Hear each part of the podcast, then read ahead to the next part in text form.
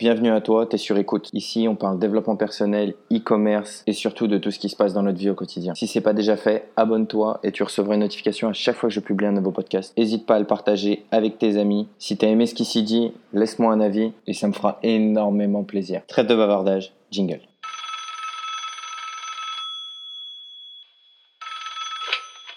Allô, c'est toi? Quitte pas. T'es sur écoute. Maybe you should pull the fucking trigger. Pull the trigger. Ain't nobody gonna do for you. Pull the trigger.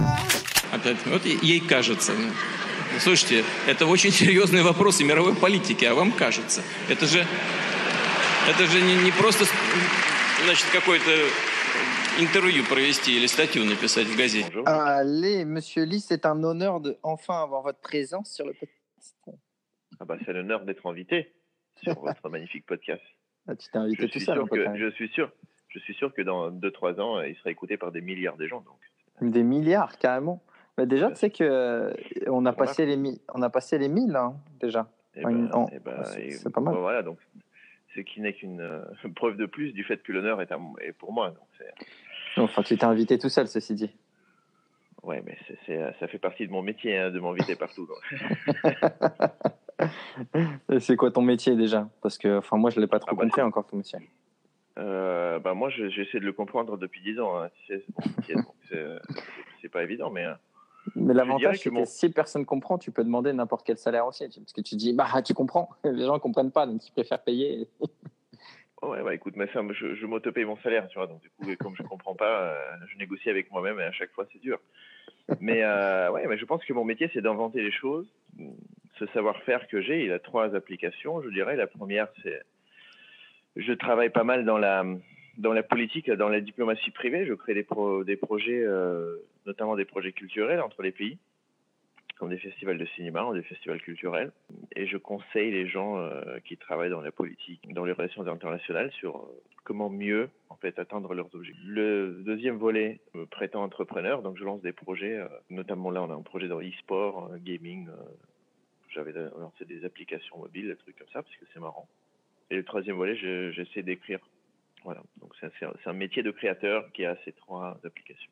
Ouais, et du coup, le créateur, tu fais des podcasts aussi qui est relié à ton premier boulot. Tu essaies de les connecter un peu. Bah, ça. je, je, je- écoute, je, je commence. Écoute, je, je les fais pas encore parce que il y a le, y a le bouquin, y a le bouquin là sur le- qui s'appelle Néopolitique et l'idée qu'effectivement, voilà, que la sortie de ce bouquin, surtout de la version euh, anglophone de ce, ce livre, soit accompagnée effectivement d'un podcast qui serait lancé, je pense, courant mars. Et là, j'essaie, j'essaie. euh, c'est toi qui m'inspire hein, à le faire. Moi, je, je, je, je pense que j'aurais jamais eu l'idée euh, sans euh, ton incroyable podcast écouté par des milliers et bientôt des milliards de gens.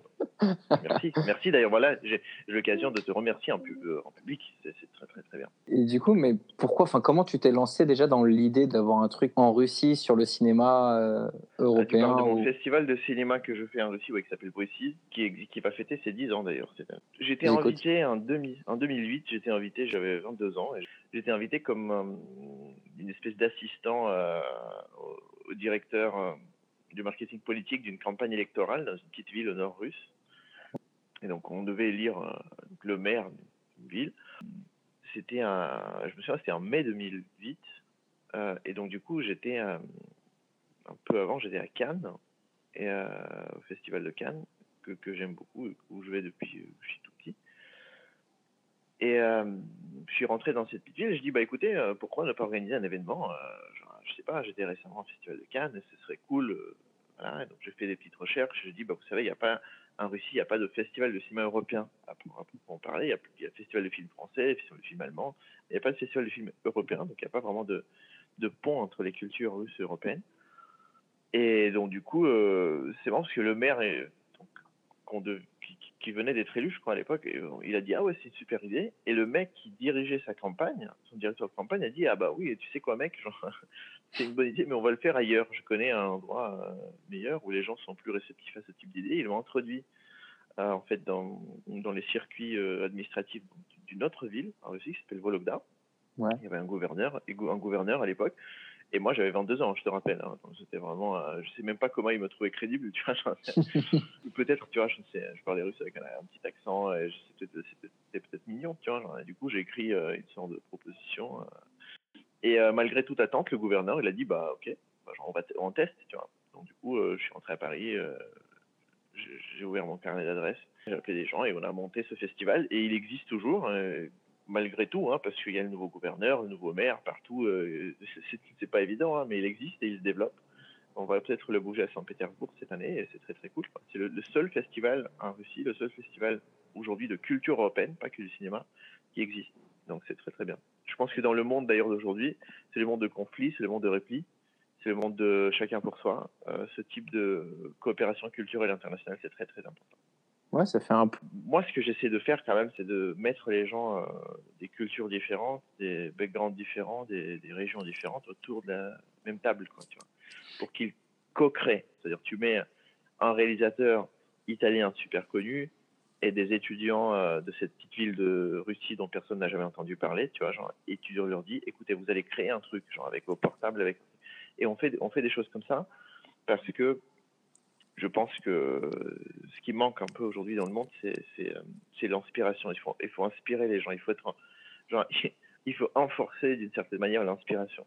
Les gens là-bas, ils sont tellement euh, rattachés à l'idée de, de, de survivre au quotidien, de faire leur, leur truc quotidien, tu vois, et qu'ils ne, ils pensent qu'en fait que tout ce qui est genre création, tout ce qui est inspiration, tout ce qui est euh, voyage spirituel, si tu veux, c'est pas pour eux, tu vois, genre parce que eux Ouais. ils ont des vrais problèmes et du coup ça y a que des, des comment dire, genre, que des riches, tu vois, genre qui vont euh, faire ces conneries là. Mais c'est faux, c'est complètement faux. C'est, au, au contraire, tu peux enrichir. C'est beaucoup plus facile d'enrichir en quotidien un pauvre un événement, tu vois, avec un peu d'inspiration, que d'inspirer les gens blasés, tu vois, genre euh, qui, vont faire la Fashion Week à Paris là. Ouais, bah justement, c'est marrant parce que je sais pas si tu as vu mon post d'hier, mais je parlais exactement de ça. Euh, je Ah, parlais bon, de a- la. justement celui que j'ai pas encore écouté. C'était euh, la productivité contre la créativité. Et euh, c'est par rapport au livre que je te conseillais la dernière fois, là, les, les super Mhm. pouvoirs du cerveau. Enfin, les erreurs du cerveau, c'est super pouvoir. Et en gros, le mec dit que aujourd'hui, on vit dans une société qui est quand même pro productivité. On veut toujours faire plus, plus, plus, plus, plus. Et au final, on essaie de faire une compétition contre des machines à toujours vouloir produire plus, à travailler plus. Alors qu'en soi, la vraie valeur ajoutée qu'un être humain a, c'est sa créativité. Parce que toi, tu as des idées créatrices que moi, j'aurais jamais, et j'ai des idées créatrices que, que tu n'auras pas spécialement non plus, parce que parce qu'on on a chacun notre identité, notre carte et tout ça. Mais on essaie tous de travailler à être toujours beaucoup plus productif au lieu de travailler à être beaucoup plus créatif. C'est marrant. Mais là, tu, tu dis que tu dis qu'on veut toujours être plus productif. Moi, je suis pas tout à fait d'accord, à vrai dire, avec ça, parce que je pense que genre, nous, on ne veut pas forcément être productif, mais on nous pousse à être plus productif, parce qu'en fait, il Ouais. a, y a pas, je pense pas qu'il existe une sorte de volonté, tu vois, genre une espèce de contrat social sur la sur la productivité. Je suis pas, je ne pense pas. Je pense qu'il y a une, une sorte de demande qui vient du fait, euh, parce qu'à mon avis, c'est en fait économique, quoi. Et du coup, il y a, y y une sorte de culture qui, qui vient de ce besoin de capitaux, genre, tu vois, genre de, de vouloir faire plus, mais pas, mais, mais vouloir, euh, genre, on est plutôt contraint, tu vois, genre de faire plus, Ouais. parce que celui qui, qui fait pas, genre, qui, qui, qui, a, qui assure pas cette fameuse croissance, tu vois, il va perdre parce qu'il n'aura pas assez de ressources. Et ça, ça fonctionne, ça fonctionnerait peut-être, au petit niveau, tu vois, genre une espèce de euh, développement durable, tu vois, comme on dit, où genre, tu, tu, tu- en fait, tu maintiens ton niveau de vie euh, et t'es content, tu vois. Mais au niveau des pays, des trucs comme ça, où la concurrence est féroce, si tu le fais pas, tu te feras bouffer. Donc, du coup, les gens, ils, ils sont, ils sont obligés de produire plus parce que ça, ça, ça créerait une sorte de confiance qui leur permettra d'avoir des ressources. Mais je, je pense pas que ce soit un choix, tu vois. Genre, je pense que si demain tu dis, bah écoutez, euh, il y a pas, il y a, y a, il y a plus, il y a plus besoin de faire genre plus. Je pense que 70% de, de la population euh, mondiale euh, va arrêter de- de- d'essayer de, faire plus. Bah, je sais pas, parce qu'au final, on pousse les gens à consommer plus. Donc, s'ils consomment plus, ils doivent travailler plus. Mais il y a plein de gens, s'ils sortaient un Oui, peu de, ce, mais- de ce constat de, dépenser plus. Regarde, un minimaliste, par exemple. Hum. Ouais. Les gars qui vivent dans le minimalisme, ils n'ont pas besoin d'une grande maison. Ils vivent dans un. Enfin, tu sais, les mobilhomes qui se déplacent, là. enfin, les maisons qui se déplacent. Euh, tu les mets sur deux Oui. routes et tu peux te déplacer. Et, et voilà, et n'as pas besoin d'un gros salaire pour ça. Donc, tu n'as pas besoin Oui, mais d'être hyper productif. Sauf que c'est marginal. Et si tout, le monde, si tout le monde se mettait à faire comme ça, le pays se casserait la gueule. Et c'est- et c'est triste. c'est vraiment triste. Des minimalistes et tout, c'est super. Des hommes et des femmes qui font des choses super en, en montrant en fait qu'on n'est pas obligé d'avoir cette consommation toujours excessive qu'on nous pousse à avoir au final. Parce qu'en fait, Ouais. les gens ils veulent que nous consommions parce que nous consommions parce que les entreprises doivent produire plus et leurs entreprises doivent produire plus parce que justement voilà ce, besoin de, ca- de capital. Mais c'est marginal. Aujourd'hui, c'est c'est même pas un demi pour cent de population, tu vois, genre les gens qui essaient de, consommer moins. Et, euh, et je- mais à l'échelle mondiale, c'est même pas un dixième de pour cent, je pense. Et c'est vraiment très triste. Euh, moi, moi, je trouve que c'est vraiment triste, mais, mais c'est juste pour dire que moi, je, cette, cette euh, information inutile, c'était juste pour dire que je suis pas d'accord avec le fait que nous voulons consommer plus. Ouais. Je, je, je, je, je pense pas, tu vois, genre, mais, euh, mais, Ouais. mais on nous, même, même, et produire plus, tu vois, genre, on veut pas produire plus, on veut pas consommer plus, mais genre, c'est, on nous, d'une part, au boulot, on te, on te dit, si tu veux te payer, genre, montre des résultats, genre, vends plus, produis plus, et Ouais. d'autre part, tu peut-être, tu voudrais, tu voudrais consommer moins, mais on te dit, genre, mais pas, peut-être moins à la télé, mais euh, sur toutes les applications partout, toute la publicité te dit, bah non, euh, si t'as pas le dernier, euh, je sais pas, le dernier, euh, le dernier Mercedes, t'es un con. euh, si t'as pas le Rolex, t'as pas réussi ta vie. il faut que tu, con- tu consommes tout. T'as des publicités partout. Donc du coup, il y a, une sorte de machine de guerre, tu vois, genre une communication qui nous, qui nous pousse d'une part à consommer plus et d'autre part, imagine une machine de guerre économique et euh, sociale qui nous pousse à produire plus, donc euh, à être plus efficace. Et si on est, et si on produit pas plus, on est viré euh, et quelqu'un d'autre est pris à notre place, tu vois. Bientôt, ce sera un robot, peut-être. On sait pas. Ouais. Ouais, mais c'est justement quand il y aura tous les robots qui travailleront pour nous, Mm. enfin, ou à notre place surtout, la seule chose qui arrivera à nous faire nous en sortir, ce sera notre créativité. C'est le fait d'avoir une idée de. Tu sors du festival de Cannes, tu arrives dans une petite ville et tu dis Ah, bah tiens, tu ferais, un- tu ferais ce festival, ça, ça, ça cartonnerait. Et puis dix ans après, les gens te, redemandent et tu vas, tu vas grandir. Pour rebondir sur ce que tu as dit, ouais, je pense, qu'aujourd'hui, on voit déjà le début de ce processus parce que la créativité, la vraie, c'est-à-dire la, créati- la créativité qui, en fait, qui, génère des idées qui sont réalisables. Je dirais que c'est ça la vraie, euh, comment dire, la créativité euh, qui a de la valeur. Donc, c'est les idées, les idées uniques avec une sorte de feuille de route de leur mise en place. Ça peut se vendre très très cher aujourd'hui. Les startups, Euh, tu veux dire, en fait. Bah, pas, oui, mais c'est pas que les startups. En fait, c'est pas que les startups. Tu sais, quand tu vois dans la, je donne un, un exemple. Quand quelqu'un te vient te voir et dit, écoute, j'ai une idée sur comment on va gagner, et voilà, Mm. on va mettre en place tel type de marque, euh, genre de, de, de candidat, on va mettre en place tel type de stratégie de communication, et il te crée une espèce de truc général, tu vois, genre une sorte de stratégie globale, qui sera elle, genre peut-être assez technique au niveau de la mise en place, il va utiliser les mêmes outils mais c'est la façon de les utiliser, les mots qui, qui vont être utilisés, la, euh, la marque, donc le brand, tu vois, genre, de- du Ouais, le qui sera créé. ouais. Ouais, et tout ça, genre, ce sera unique. Les mecs, ils disent, ah, écoute, et ça, et ça, ça se vend très très cher, parce que c'est c'est- c'est- c'est- c'est ce, cette nature unique de l'offre qui sera réalisable et transposable dans les outils genre, euh, appli- appliqués. C'est ça qui, qui, qui assurera le, le- le- peut- peut-être la victoire électorale, et donc ça donne beaucoup de pouvoir c'est tout ce qui est capitalisable à beaucoup de niveaux. Donc du coup, ça coûte très très cher. C'est pas que les startups et les ordinateurs. Aujourd'hui, bon, j'ai- beaucoup étudié la question, donc je, peux l'affirmer de façon plus ou moins sûre. C'est que quoi qu'on dise, les ordinateurs ne sont pas vraiment créatifs. Non, non, mais de toute façon, ils sont, enfin, ils seront jamais. Tu peux euh, même avoir une intelligence artificielle. C'est justement, bah, c'est pour ça que je pense que ce bouquin dont je te, je te suggérais là de Beck, je sais plus comment il s'appelle, Dave ouais. Beck. Euh, D'ailleurs, je dis à- aux auditeurs que si Nick vous conseille de lire un bouquin, il faut le lire. Il y a pas, là, il n'y a pas, il y a pas, il y a pas eu de fausses, euh, comment dire, de, de fausses recommandations. hein. pourquoi, pourquoi tu dis ça? Non, parce que je pense que tu as un... Déjà, j'ai beaucoup de respect pour les, gens, pour les gens qui lisent beaucoup. Je pense que c'est très important de lire. Ouais. Euh, et euh, je pense que ton choix de livre, en fait, ta vie, déjà ta vision du monde, elle est très intéressante. Et les- du coup, ton choix de livre, qui est, qui est assez vaste, c'est- un très très bon choix. Si tu conseilles de lire un livre, c'est-à-dire, si toi qui, a- qui lis beaucoup, tu as lu quelque chose et dis, ah bah dis donc, ça, ça m'a impressionné. Ça veut dire que c'est, tu vois, c'est- c'est un livre euh, créatif. tu vois, Ouais. par rapport- du Bah, je ça- je lis pas beaucoup. Hein. Je lis pas beaucoup. J'essaie de lire un livre par mois, mais c'est pas pas énorme par rapport à toi qui dois lire beaucoup plus. Mais c'est vrai Ouais, que je lis je- beaucoup plus qu'avant. Détrompe-toi déjà, détrompe-toi, mais et en plus, et je, je t'assure qu'en livre par mois, c'est euh, comparé à la moyenne mondiale, c'est euh, c'est Tolstoy. hein. Ouais, bah ouais, parce que je lisais un petit peu euh, justement des trucs sur ça que euh, aux États-Unis, parce qu'en général la, la data que tu as, c'est souvent prise aux États-Unis, mais aux États-Unis, il y a des gens, enfin il y a 97% de la population qui lit moins d'un livre par an. Donc si toi tu Ouais. lis deux livres, bah, tu es déjà euh, plus avancé que, que 97% de la population américaine.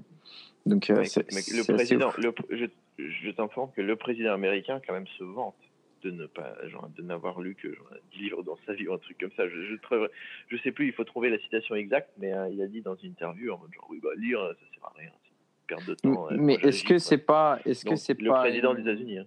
Ouais, Est-ce que c'est pas de la désinformation pour, euh, pour euh, justement dire aux gens et au peuple, lisez pas, soyez plus bêtes, soyez plus tout ça, vous pouvez devenir président et de les garder écoute, un peu sous contrôle. Écoute, si c'était pas Trump, j'aurais. Franchement, avec lui, je serais pas surpris. euh, genre, tu vois ce que je veux dire genre, Moi, dès le début de sa campagne, j'avais, je, je me disais, bon, lui, il est vraiment intelligent, comment il joue ce truc de con, tu vois, genre, c'est magnifique, Ouais. il, va il, il va tous les niquer et tout. Et, mais sauf que le, le, le déroulement de, de, de, de- comment dire, de, son, euh, de sa présidence euh, montre qu'en fait, il semblerait qu'il soit quand même assez particulier comme être humain. je, je vais- Ouais, je suis très poli, je suis très poli. hein. Donc franchement, Ouais. je, je ne serais pas étonné si effectivement. euh, Ouais, mais ça l'a pas empêché dire de devenir président, donc je pense que soit mais il, ça, est on peut plus, pas. il est plus malin en jouant un rôle, soit il est très très très très bien entouré.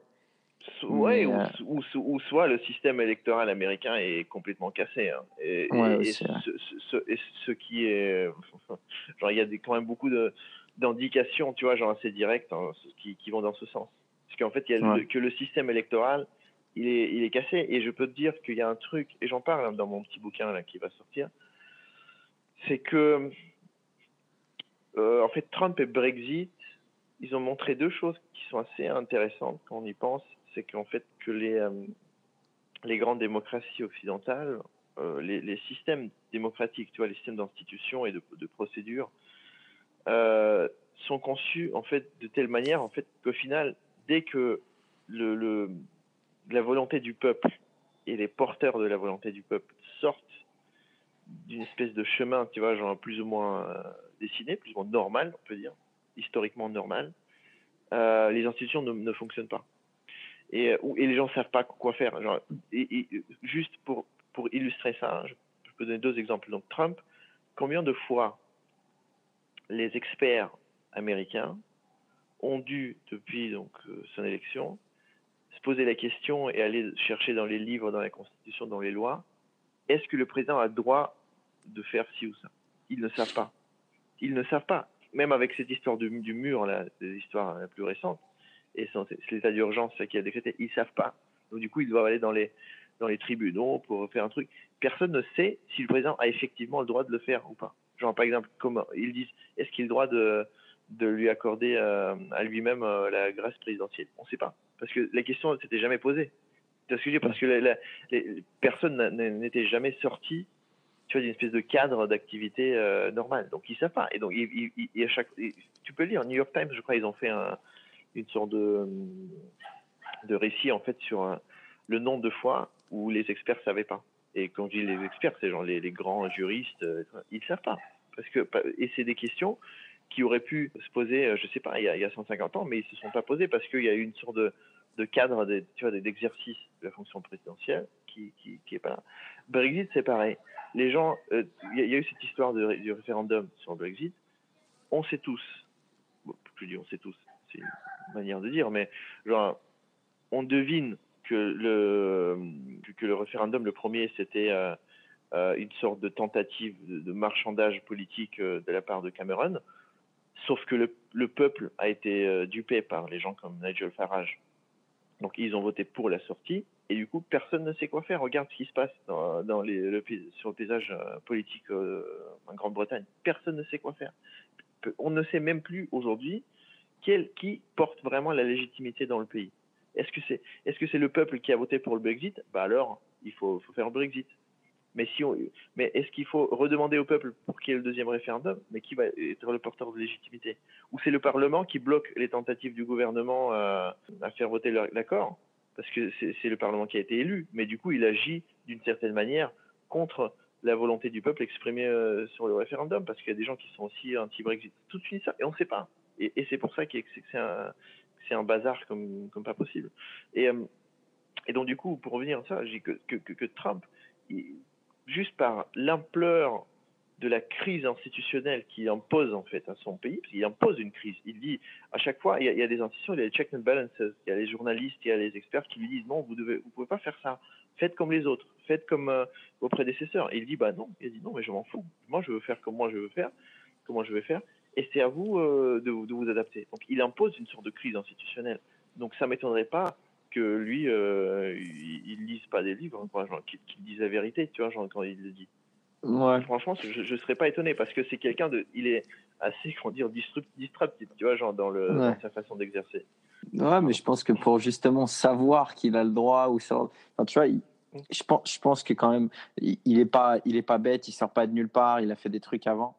D'un côté, on Ouais, dit, mais il a fait des trucs, il a fait des trucs avant qui sont, qui, qui, qui sont soldés par des euh, faillites, quand même. Ouais, Ça, c'est- il, il a dilapidé un milliard, euh, même plus d'un milliard, il a, dit- il a dilapidé je sais pas combien, mais il l'a surtout recréé après. Non, mais ça, c'est, je sais pas. Moi, je- moi, moi écoute, j'ai étudié, dit un peu le cas de Trump. Ouais. Euh, comme ça, il n'y a pas vraiment de preuves, il n'y a pas de preuves tangibles disponibles pour le grand public de son incroyable euh, efficacité euh, en tant que gestionnaire. Ouais. Il n'y en a pas, genre, ça n'existe pas. Et quand tu regardes, lui, lui il dit qu'il y a, mais sauf que derrière, tu vois, mais même sur les, sur les, euh, sur les Trump Towers, par exemple, sur Manhattan, dont il est si fier, il y a quoi il y a, Je crois qu'il y a 15% qui lui appartiennent. Les autres, c'est juste du, c'est des franchises, quoi. Il, il loue son nom. En fait, le seul business successful, quoi, c'est la, c'est la vente de, de, de son nom. C'est quand les autres font des choses et lui, il donne son, donne, son nom à ces choses. C'est tout, c'est tout. C'est la seule, c'est la seule, une sorte de franchise Trump. C'est la seule branche de son soi-disant empire qui a jamais euh, essuyé de perte. La seule. Les autres, il, il, il, il perd, il perd l'argent partout ailleurs. Donc c'est très. Euh, et quand tu regardes les scandales qui entourent les Trump University, des trucs comme ça, où euh, comment il a complètement détruit, euh, perdu la, ce qu'il a récupéré de son père ou ce qu'il a fait à Atlantic City avec les, avec les casinos, alors qu'il devait au, créer le casino, comment il s'appelait Taj Mahal, je crois, le plus grand casino du, du, monde, je sais pas quoi, qui était une catastrophe totale. Totale. C'est, c'est, je sais pas, moi, moi je pense que son track record de, de gestionnaire, il est, il est plutôt mauvais. Hein. Mais comme ouais. il est très bon en marketing et parce qu'il a compris que c'est ça, il a compris que c'était sa, force, en fait, c'est, sa gueule, quoi. Tu vois, c'est sa gueule et son nom. Donc euh, là, il est fort. Et, ça l'a porté jusqu'à la présidence américaine. Alors que je suis même pas sûr, je suis même pas sûr. Là, bien sûr, là, c'est une spéculation, euh, pure et simple, tu vois. Donc, bien sûr, là, on ne veut pas savoir. Mais moi, je trouve tout à fait crédible la théorie selon laquelle il voulait pas gagner et qu'il voulait juste utiliser la course de la présidence comme une sorte de publicité pour son nom, pour vendre encore plus et négocier encore mieux les contrats, les contrats d'immobilier euh, ouais. euh, à l'étranger. C'est pour, c'est pour ça d'ailleurs que je pense que, que c'est la, la, la, la, fameuse Trump Tower à Moscou là, qui est maintenant au cœur du, de l'enquête Mueller, euh, beaucoup de questionnements de la part de l'establishment américain, parce qu'il négociait la, il négociait la construction de la Trump Tower à Moscou alors qu'il était déjà candidat. Donc du coup, maintenant, on lui reproche beaucoup ça. Et il dit, bah non, en fait, je négocie pas. Alors que les gens, ils savent qu'il négocie. Moi, j'ai parlé avec des gens à Moscou. Effectivement, il était en négociation jusqu'à euh, tard dans la campagne, tu vois. Mais, à mon avis, c'était pas pour, euh, c'était pas pour, euh, comment dire, recevoir le fric du russe pour gagner. À mon avis, c'était pour parce qu'il pensait pas qu'il serait président. Et en fait, c'était juste parce que il voulait la, la, la, ne pas perdre le temps d'une certaine manière. Donc, et au moment où il devait perdre les élections, il vendait en disant bah écoutez, moi je suis presque le président des États-Unis, donc maintenant euh, la Trump Tower c'est deux fois plus cher. Ouais. Et je pense que ça a toujours été sa, sa stratégie commerciale. Mais voilà, ce qui s'est passé, euh, s'est passé. Il est élu. Donc ça, ça sert à rien de spéculer là-dessus parce que c'est fait. Euh, là, je suis chez moi et juste en face d'ailleurs, j'ai j'ai un petit euh, une espèce de de truc sur le mur là. C'est c'est la, la une du journal Le Monde. En, je je l'ai encadré euh, qui dit Donald Trump président des États-Unis. Je l'ai mis sur le mur. Je l'ai mis sur le mur. C'est la une donc du du matin euh, de son élection pour ne, ne pas oublier à quel point le monde peut nous surprendre. Ouais. C'est une sorte de rappel. C'est énorme parce que Parce comme que quoi. Ouais, pardon. Non, non, non, j'allais dire, que juste, juste pour dire que c'est quand même, genre, tout le big data du monde disait qu'il qu'il perdrait. hein. Ouais. Donc, c'est- c'est-à-dire, c'est ça, c'est ça, c'est quand même ça qui est fou. Il y a- il y a- on, on- on croyait, euh, jusqu'à l'élection de Trump, je pense que dans le, le- les milieux, euh, comment dire, politiques et parapolitiques dans le monde, les gens, ils avaient une espèce de super confiance dans le fait que la politique était contrôlable, devenait de plus en plus contrôlable par les, par les data, les, euh, tout type de données, les, les techniques, les, les algorithmes, des trucs comme ça. Et je pense que Trump, il a quand même euh, fait revenir sur Terre pas mal, pas mal de monde. Moi y compris, hein, d'ailleurs. Non, mais ce qui est énorme, c'est que, en gros, Trump, c'est un peu le, la personne qui montre que, un, aux États-Unis, l'ignorance fait que bah, tu perds tout contrôle des choses. Parce que quand tu es ignorant, bah, tu, tu, tu sais pas que justement, il peut passer telle loi ou telle loi ou telle loi ou telle loi. Quand tu es ignorant, tu mets quelqu'un comme Trump président.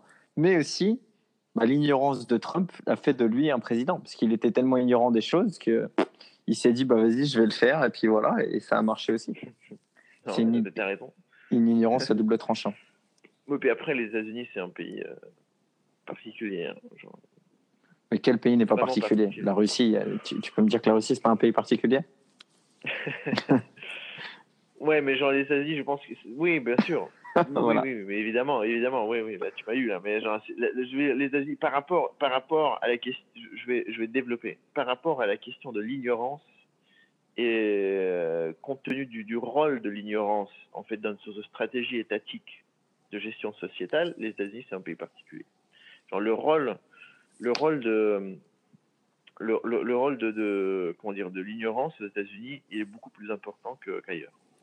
Bah, quand même, Poutine, il fait exprès de, de bloquer certains réseaux sociaux. On parle de Poutine, mais on peut parler de la Chine aussi, ou de la Corée. Ouais, Poutine, Ou- je, bah, Poutine, je sais pas qu'est-ce qu'il a. lui, À mon avis, moi, moi, à ma connaissance, je n'ai, il n'a rien bloqué, hein. Bah, des réseaux il- sociaux. Réseaux Il a, il a sociaux. bloqué LinkedIn. Il a bloqué LinkedIn pour Facebook, une raison, parce qu'en fait, ils ont, ils ont, non, bah, pas du tout. Facebook n'a jamais été bloqué en Russie. hein. tu es obligé d'utiliser un VPN, non? Non, pas du tout. Ok. Ah, je croyais que c'était bloqué Absolument. et que c'était pour ça qu'ils avaient Non, non. installé Contact. Non, absolument pas du tout. C'est absolument pas bloqué. Et d'ailleurs, la Russie, c'est au niveau d'Internet, rien n'est bloqué. hein. À part, je pense qu'il y a, il y a deux, deux, deux gros sites euh, occidentaux qui sont bloqués. C'est LinkedIn pour une pour les raisons suivantes, parce qu'en fait, ils ont fait passer une loi que euh, toute entreprise qui détient les euh, les en fait les données personnelles donc des citoyens russes doit les stocker sur le territoire russe. Ouais. Ce qui est à peu près la même chose que les, les Européens ont fait avec le RGPD. Euh, et LinkedIn, ils n'ont pas en fait, ils ont pas placé les serveurs avec les données des Russes sur le territoire russe, donc du coup ils, ont- ils se sont fait bloquer. Que Facebook et les autres ils l'ont fait. Et le deuxième site qui est bloqué, c'est Pornhub. Je sais plus pourquoi. Alors, je sais plus vraiment quelle était la région, la, la, la raison euh, légale, mais pour, une raison étrange, Pornhub est bloqué en Russie. Mais le- le- pour le reste, euh, J'ai pas envie pas de de demander blocage. pourquoi tu sais. ouais, mais bon, écoute, On coupera peut-être ça je, montage. Je, je te laisse, je te laisse imaginer toute une panoplie de raisons. Tu choisis celle qui, celle qui te convient le mieux et tu restes avec là. Mais, Euh, et euh, non, écoute, la, la- la version officielle, je le sais parce que c'était une, une, c'est une grande histoire euh, médiatique là-bas. Mais euh, non, rien n'est bloqué, rien n'est censuré. Tu peux, tu peux aller sur Twitter et écrire genre Poutine enculé, tu vois, genre il, il y aura pas de problème. C'est- pas du tout comme en Chine, hein, il y a du monitoring, des algorithmes qui font le filtrage et tout, pas du tout. Ah ouais, pourtant Alors, il y a j'imaginais quand même beaucoup plus de Non. contrôle parce que tout le monde, enfin, Poutine, c'est un peu Mm. comme, euh, comme ça qu'il est vu à travers le monde. Pourquoi il a cette identité-là Oui, de...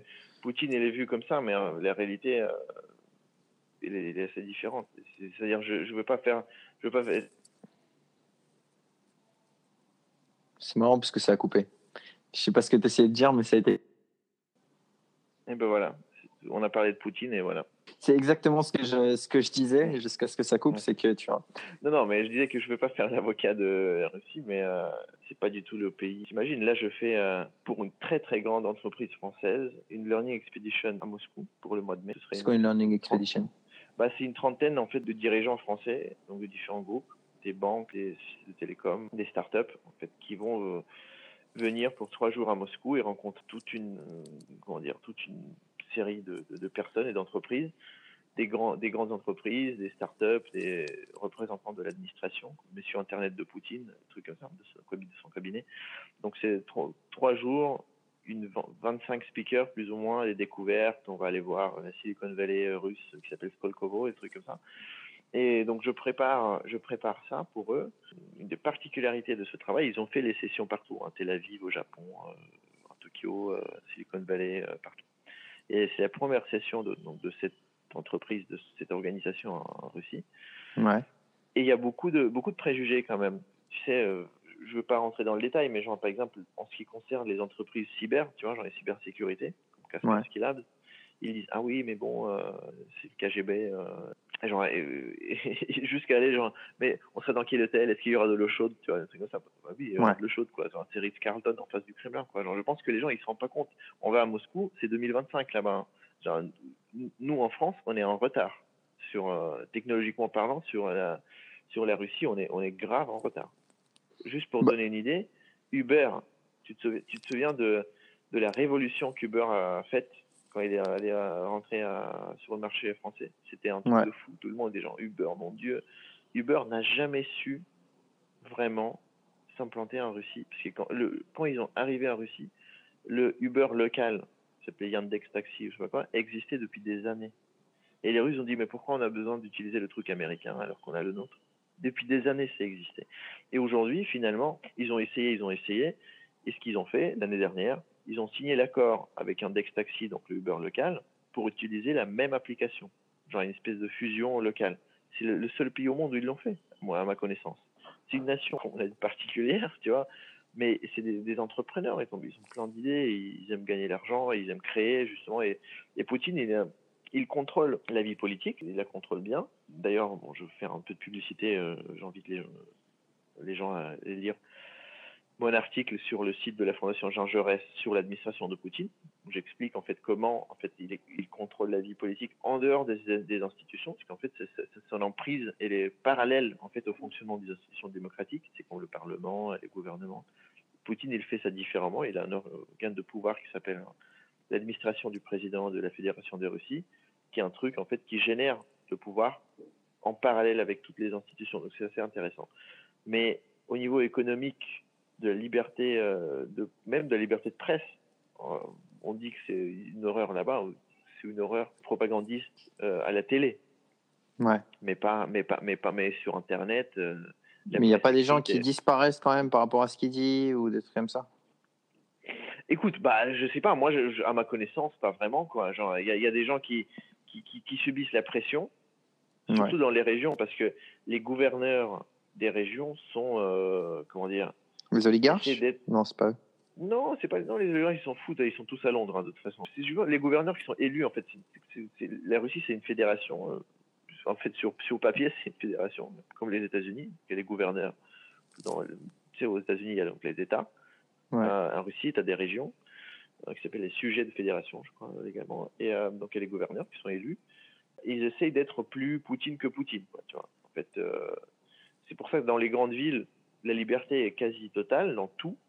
Et dans les petites villes, si tu, fais, tu, pub- tu publies un petit journal et tu crasses sur Poutine, le gouverneur, il va être euh, genre, ouais, merde, t'as pas le droit, allez, on- je vais des flics et tout. Il n'y a pas, tu sais, cette histoire de, ces histoires de disparition inquiétante, euh, des meurtres euh, en pleine rue et tout. hein.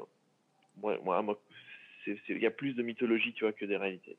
Parce que quand je regardais Icarus hier ou avant-hier, là, justement, pendant qu'il tourne le truc, il y a un gros scandale qui explose sur le dopage en Russie.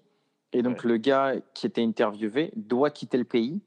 Et il y a deux de ses associés qui sont morts de crise cardiaque, mais de, enfin, tu vois, de façon euh, assez étrange, alors que c'était des gens qui étaient en plutôt bonne santé, des docteurs qui font attention à leur corps et tout ça. Une semaine ou deux semaines après l'enquête, des trucs comme ça, euh, ils sont retrouvés euh, virés et morts. Écoute, moi, je, je- ne connaissant pas l'histoire, je peux pas faire de, de- de commentaires sérieux, tu vois. Ouais. Moi, je, quand je reste toujours prudent avec ces histoires. Je vais, je vais, je vais voir, je vais voir de quoi il s'agit. C'est intéressant, mais ceci dit, euh, il faut dire que la Russie a quand même été virée de tout, de toutes les compétitions euh, pendant des années. Aujourd'hui, Poutine lui-même, sa conférence de presse la fin d'année, il a, il a reconnu qu'il y avait des problèmes par rapport à ça et qu'ils vont être super transparents et que maintenant, d'ailleurs, il, il- les, lab- les labos, non sans peine, mais ils ont passé tous les tests euh, occidentaux et maintenant, l'agence russe antidopage, Russada, a réintégré l'agence mondiale antidopage.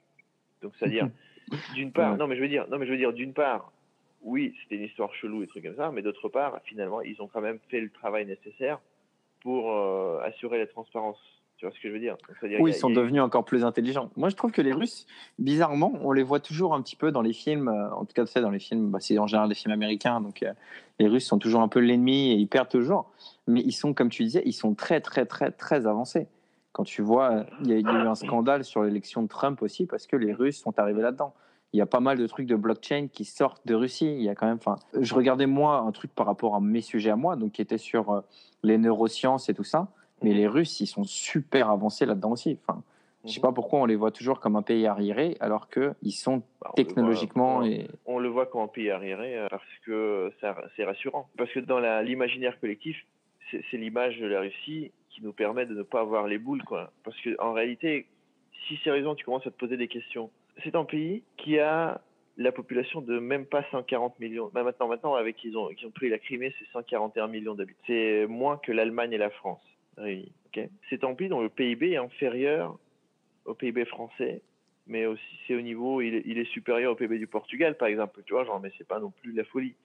Aux États-Unis d'Amérique, il y a, je crois, quatre ou cinq États qui génèrent chacun plus de richesses que la Russie. C'est pour, c'est pour juste mettre les choses à, leur échelle. Et c'est un pays qui, avec si peu de ressources et une population euh, qui fait même pas euh, 7% de la population chinoise, arrive à avoir la position centrale dans quasiment tous les dossiers géopolitiques du monde. Et quand je dis position centrale, c'est la position charnière. Tu peux rien faire sans, eux. hein. Regarde la Syrie. Tu peux rien faire sans que les Russes se disent oui. Rien.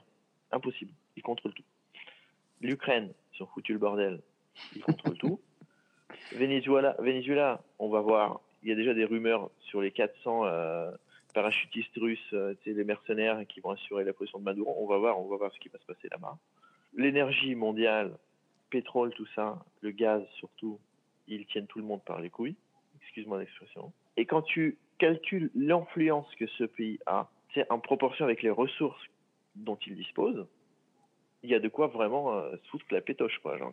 Tu vois ce que je veux dire? Genre, Je pense que c'est, c'est peut-être l'efficacité la plus haute, la plus importante au monde, quoi. Donc, du coup, c'est normal qu'on essaie toujours de les ridiculiser dans les, dans les petites vidéos sur Internet et dans les films hollywoodiens, un truc comme ça. Parce que la vraie Russie, tu vois, genre, par exemple, la, série française Bureau des légendes, eux, ils montrent dans la dernière saison plus ou moins un succès.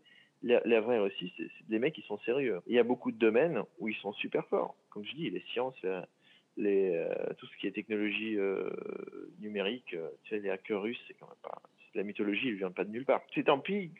si- S'il n'était pas genre si tellement obstiné à ne pas accepter, en fait. Ils, ne veulent pas accepter une sorte de dictat, tu vois, genre au niveau des valeurs occidentales. Ils veulent juste vivre leur vie. Peu importe, tu vois, genre qu'on soit d'accord ou pas d'accord avec leur vision du monde, ça, c'est pas ça la question. Mais genre, ils sont tellement obstinés à ne pas se laisser influencer. C'est sur le traumatisme des années 90 après la chute de l'Union soviétique où en fait euh, la Russie était sur de colonie de colonie de tous les pays occidentaux à la fois. Tu vois, donc, ils ont été tellement traumatisés qu'aujourd'hui il y a une espèce de, de protection, tu vois, genre de leur souveraineté nationale. Et du coup c'est pour ça qu'il y a ce conflit, tu vois, parce qu'ils ils se laissent pas faire.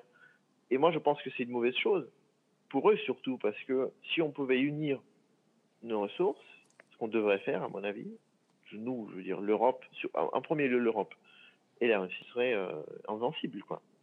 Avec nos ressources et avec leur cerveau, c'est pas que nous n'avons pas de cerveau, mais genre, la Russie, tu vois, comme c'est un pays où il fait froid, où, la vie est assez dure, tu vois. donc les gens, ils, ont cette capacité d'inventer des trucs, tu vois, pour survivre de cette- manière. C'est quelque chose que nous, nous, avons d'une certaine manière, heureusement d'ailleurs, perdu.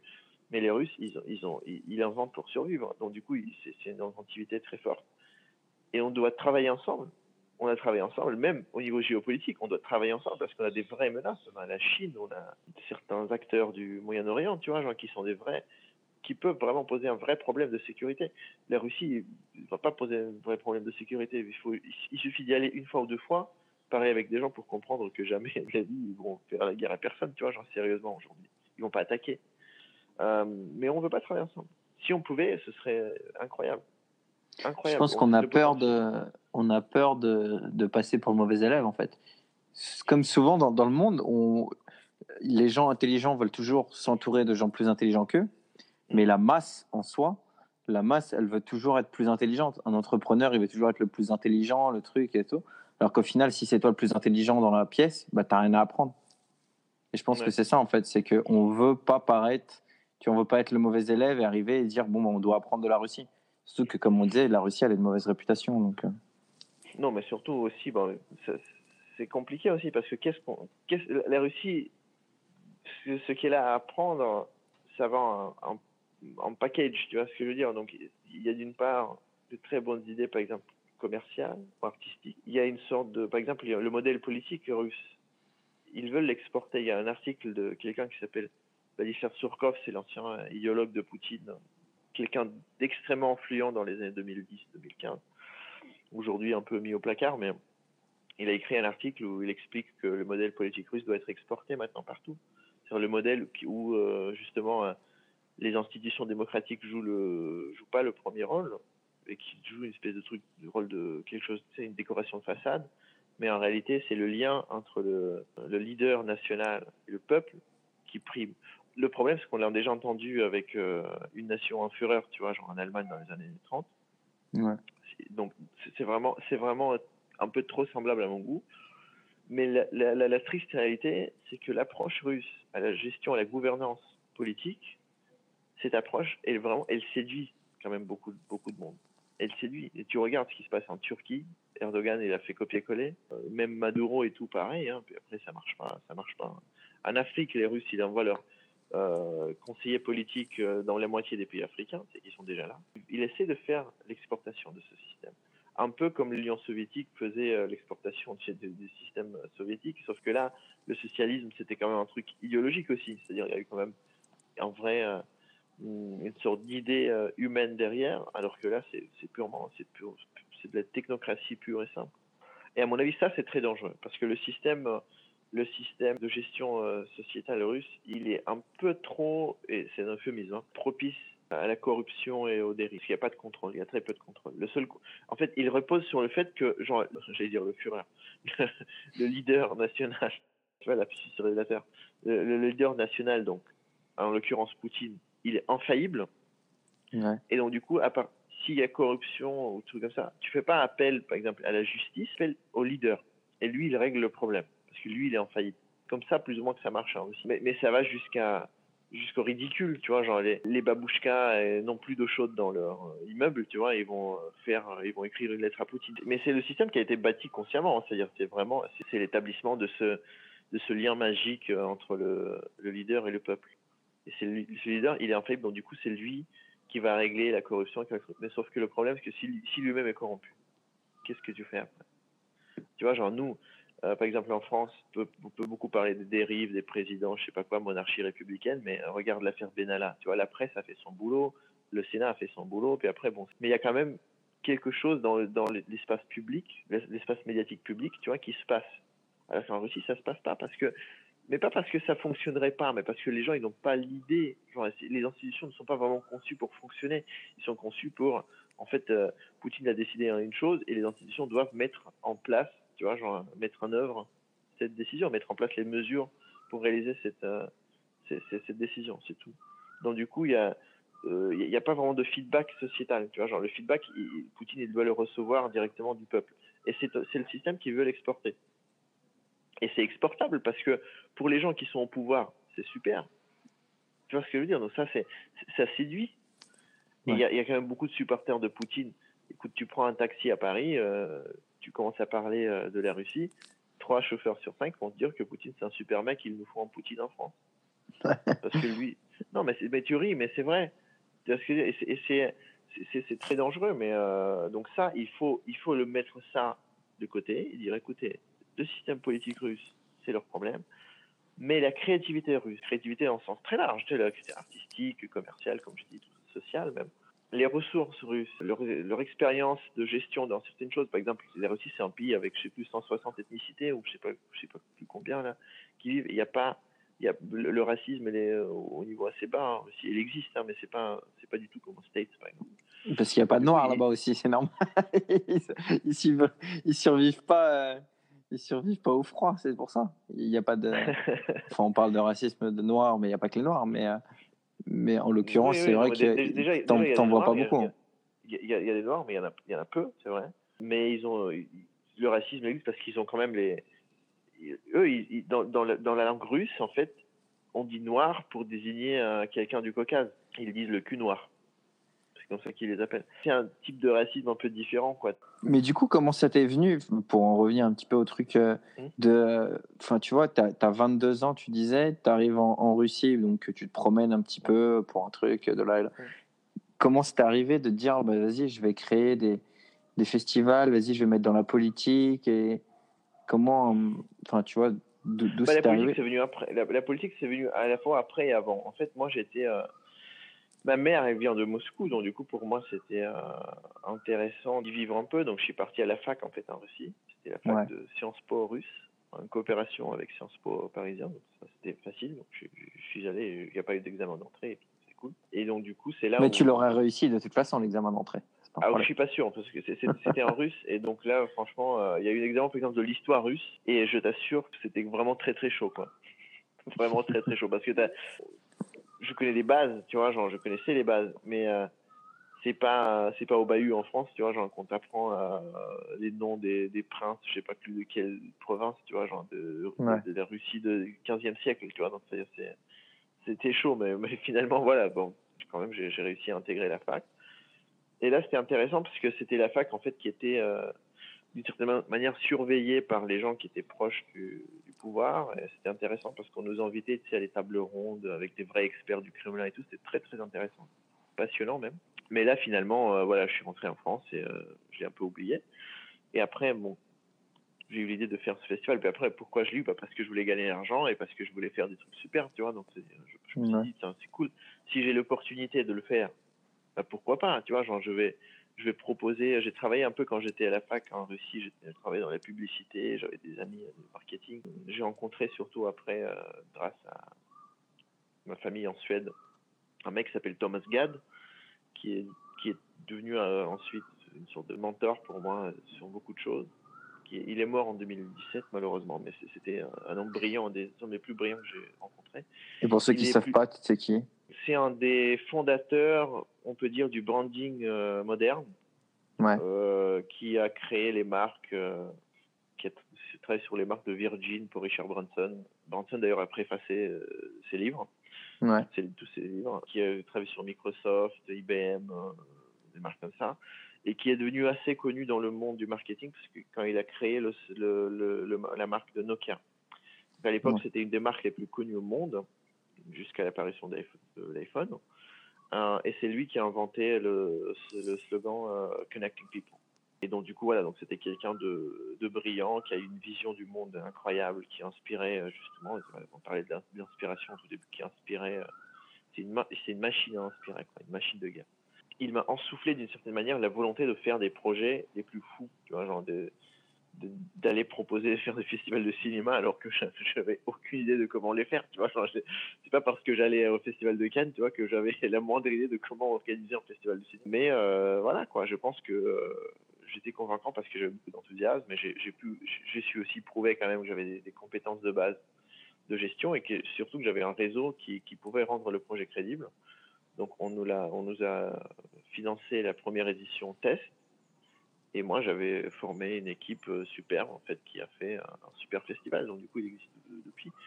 Mais, euh, mais pour répondre de, manière plus générale à ta question, c'est comment ça m'est, arrivé l'idée de me lancer dans la politique ou dans la création des projets, des trucs comme ça. Bah écoute, c'est, parce que les gens m'inspiraient et c'est parce que je, pompais l'inspiration tu vois, genre, à tous les gens autour de moi et pas que les gens, euh, les voyages et les gens, c'est eux qui ont donné naissance à mes projets, plus que moi-même, je pense. C'est, euh, moi, moi j'étais une sorte de, j'étais une espèce de médium en fait, j'étais juste au milieu des, des quand les, les gens et les voyages généraient une espèce d'idée que je ne, que je ne fais que, que je ne faisais que, que transmettre en fait au monde quoi, avec des actions. C'est énorme, ça, ça me rappelle un petit peu. J'ai une, une amie, Serena, qui est euh, anglaise. William. Euh, non, j'ai- j'aimerais bien, pour le coup. Je, je l'interviewerai pour mon podcast. Je lui dirai apprends le français, on se fait un podcast sur écoute. Et du coup, euh, elle, elle est à fond dans les méditations, les trucs comme ça. Mm. Et il y a trois ans, elle a fait l'expérience qui s'appelle le Yes Man, qui, qui Mm. vient du film avec Jim Carrey, euh, Yes Mm. Man, où elle doit dire euh, oui à peu près à tous les trucs qu'on lui propose. Donc dès que c'est un projet qui doit changer sa vie et auquel normalement elle dirait non, elle doit réfléchir et se dire oui. Donc elle a voyagé en Australie, à Bali, comme ça, juste parce qu'elle devait dire oui. Et l'année d'après, donc la deuxième année, euh, elle a fait la Surrender Experiment, d'un bouquin qu'elle m'a passé de Michael, euh, je sais pas trop quoi, Singer. Et euh, en gros, c'est un petit peu, c'est ce que tu viens de dire là, c'est que lui, il se laisse aller par rapport au, flow des choses qui doivent se passer. Donc à chaque fois qu'il y a quelque chose, ou quelqu'un qui lui propose, bah, tu vois, comme toi, le festival, il y a une voix dans sa tête, on a tous une voix dans la tête qui nous dit Ah, mais non, tu peux pas y arriver, ah, mais c'est compliqué, ah, mais c'est difficile, ah, ça Mhm. prendre trop de temps.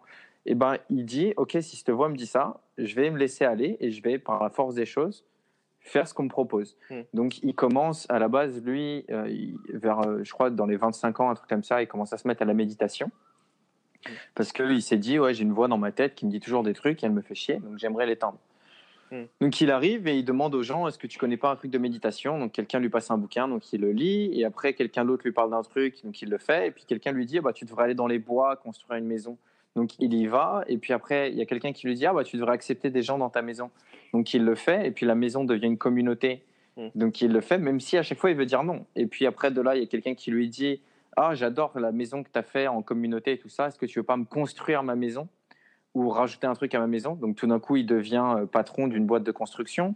Et puis après, on lui propose un autre truc. Puis après, on lui dit Ah, mais faudrait que tu travailles dans le parapharmaceutical, je sais pas trop quoi. Puis Mhm. après, faudrait que tu crées des applications. Et au final, le gars, c'est devenu un mec, juste en disant oui à tout. Mhm. euh, il est devenu donc fondateur d'une des plus grosses communautés aux États-Unis euh, de méditation, de yoga et tout ça, qui euh, Mhm. reçoit tous les ans euh, les plus gros, je sais pas, moines, ou je sais pas ce que tu veux dire. Il a créé une société euh, d'un truc qui travaille avec Medicare et Medicaid là aux États-Unis Mhm. pour faciliter les fichiers. Donc autant dire cette société-là, elle pèse plusieurs millions, de centaines de Mhm. millions de dollars.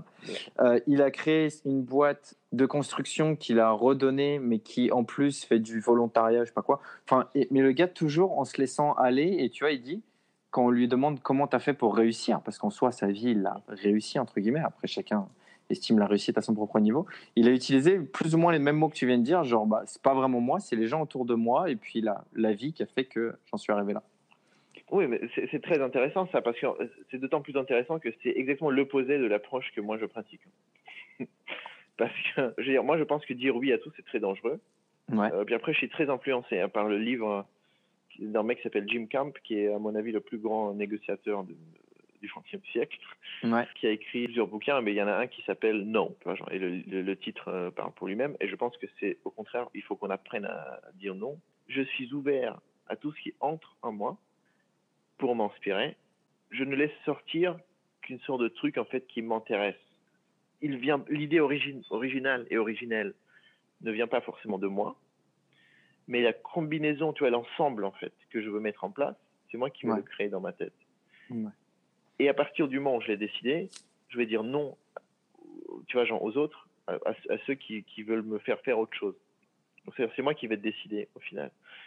Donc c'est- au final, ça peut, genre, ce qui est marrant parce que ça peut amener peut-être au même résultat d'une certaine manière, tu vois, mais par un autre, par, par une autre voie. Pas en Ouais, disant oui, mais, mais en disant non, quoi. Tu vois, genre en focalisant sur des choses. Mais ça permet, pareil, de faire beaucoup, beaucoup de choses. hein, parce que tu dis pas non au moment où tu reçois l'information. Tu dis non à, à partir du moment où tu as décidé de faire un truc et donc tu te focalises là-dessus. tu vois. Ouais. Mais, mais tu dis pas non parce que ah non ça m'intéresse pas, tu vois, genre, ou non je vais pas. Genre si on me dit euh, de faire quelque chose qui doit m'inspirer, je dirais oui. Mais si on me dit quelque chose qui doit genre me faire ma voix, tu vois, de ce que je fais, je dirais non. Je veux dire, c'est pour pour la réception de l'information, c'est oui, mais pour la, la- pour le pour l'action, c'est- moi qui vais décider. Mais là, tu as dit un truc qui est qui à mon avis est très intéressant, tu sais, euh, par rapport à, à la petite voix là qui te dit non, tu peux pas le faire, c'est compliqué. C'est un des plus grands problèmes de l'humanité, quoi. Les, les- les petites voix. Ouais. Parce que les petites voix, ils vont toujours te dire ah non, euh, ah non c'est compliqué, non ça va te faire mal, non tu vas te ridiculiser, euh, non euh, les autres ils feront, feront ça mieux que toi, donc euh, t'auras mieux, mieux fait de fermer ta gueule, tu vois, genre ne dis pas ça. C'est le pire problème. Pourquoi? Parce que les petites voix nous victimisent et on apprend à être victime. C'est une sorte de classe, tu vois, genre qu'on te donne des cours, qu'on te donne comment être victime. La petite voix, elle va toujours dire ah non mais les autres ils vont te ridiculiser. Les autres, ils vont euh, faire mieux que toi. Les autres, ils vont t'engueuler. Les autres, ils vont te frapper. Les autres, ils vont te faire mal. Si tu essaies de le faire, les, genre, les autres, ils vont faire ça mieux que toi. Tu vas te sentir comme con. Et du coup, au lieu de faire, au lieu d'essayer de faire et d'apprendre ses erreurs, on est là à dire ah non, c'est les autres. Tu vois ce que je veux dire? Et, et c'est d'une part, ça mène au fait que nous, on, que, que nous on fait rien. souvent. Les gens Ouais. ils font rien. Mais d'autre part, ça crée un autre problème, genre qui est un vrai problème social et si tu veux politique, économique ou civil, c'est que on, on a l'habitude de projeter sur les autres avec cette petite voix, tu vois, la, la, la source problèmes. C'est c'est la petite voix qui nous dit ah non, euh, si moi j'ai rien à manger, c'est parce que les juifs ont volé tout l'argent. C'est les petites voix qui disent ah non, euh, si s'il n'y a pas de boulot dans ma commune, c'est parce que les, les, les immigrés ont pris tout le, tout le travail. Ouais. Tu vois ce que je veux dire? C'est euh, Elle nous dit pas bon, écoutez, euh, genre si les immigrés ont pris tout le travail, c'est-à-dire il y a du travail pour les immigrés, c'est-à-dire il y a du travail pour moi, tu vois, genre, c'est-à-dire ça. Ouais. Ça c'est une réflexion déjà plus plus poussée.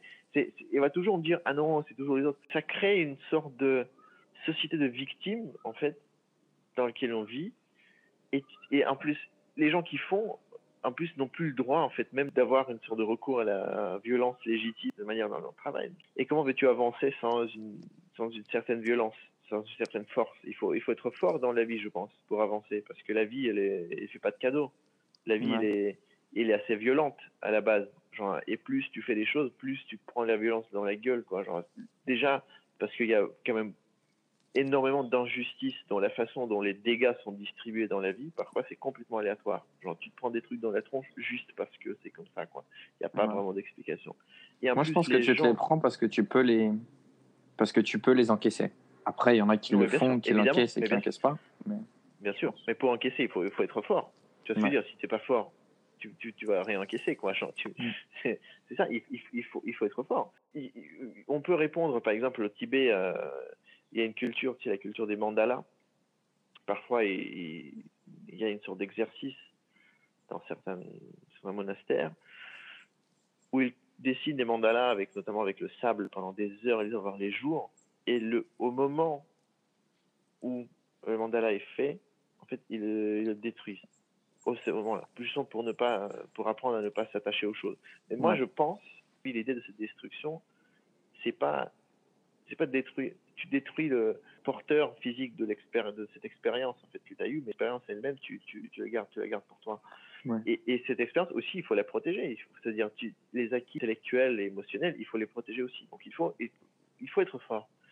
Et, et parce que les gens, ils sont, genre, plus tu avances dans la vie, plus tu rencontres des gens qui sont costauds quand même. Tu sais, c'est comme dans les, comme dans les sports de combat. Tu vois, tu commences à- avec ton petit cours en bas de chez toi et tu arrives à, au championnat du monde où tu as des mecs euh, genre, qui tabassent direct, tu vois, genre, qui, Ouais. qui, qui peuvent casser un mur.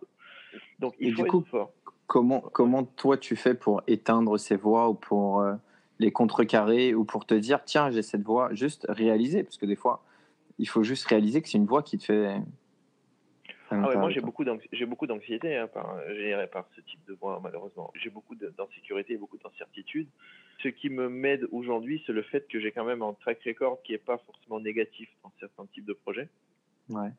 Donc je me calme en disant écoute, tu sais le faire parce que tu l'as déjà fait. Ouais. du coup, donc, et je sais que les choses qui paraissent improbables peuvent être faites. Ça, je sais parce que je les ai faites.